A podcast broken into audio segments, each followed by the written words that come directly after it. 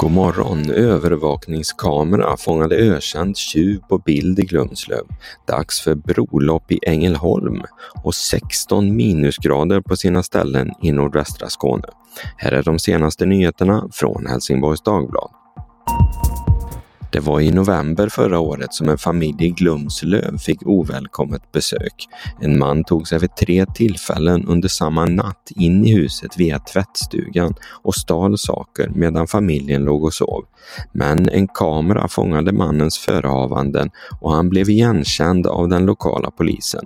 Nu har han dömts till ett år och två månader i fängelse. Nästa år hålls ytterligare ett brolopp över Öresund, men för den som tycker det är för långt, en halvmara eller för läskigt att springa mellan Danmark och Sverige öppnar sig nu en möjlighet i Ängelholm. Den 10 februari redan i år dessutom invigs Haradsbron över Rönneå med ett motionslopp. Den längsta distansen är 8,5 kilometer. Betydligt kortare, men det kan också bli betydligt kallare än ett försommarlopp mellan Köpenhamn och Malmö. I Helsingborg finns det runt 250 ungdomar mellan 18 och 25 år som lever med försörjningsstöd.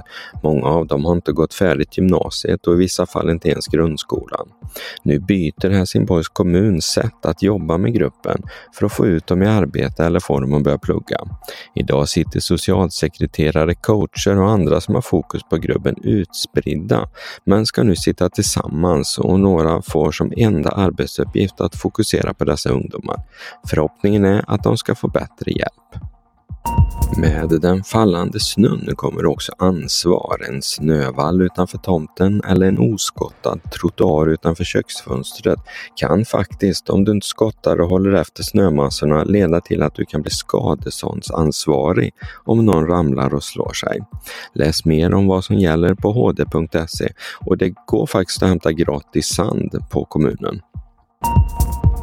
Den förre presidenten i USA, Donald Trump, tog en jordskredsseger i primärvalet i Iowa i natt svensk tid. Det är i primärvalen som Republikanerna väljer vem som ska bli partiets kandidat att ställa upp i presidentvalet i november mot den sittande presidenten, demokraten Joe Biden. Samtidigt valde en av Trumps konkurrenter att hoppa av. Nu finns det endast två kvar, John DeSantis och Nick Haley, som fortsätter att kämpa om att bli Republikanernas kandidat vid sidan av Trump. Och så vädret. Det blir återbitande kallt i nordvästra Skåne under dagen. Vid kusten i exempelvis Helsingborg ligger temperaturen kring 10 minusgrader nu på morgonen.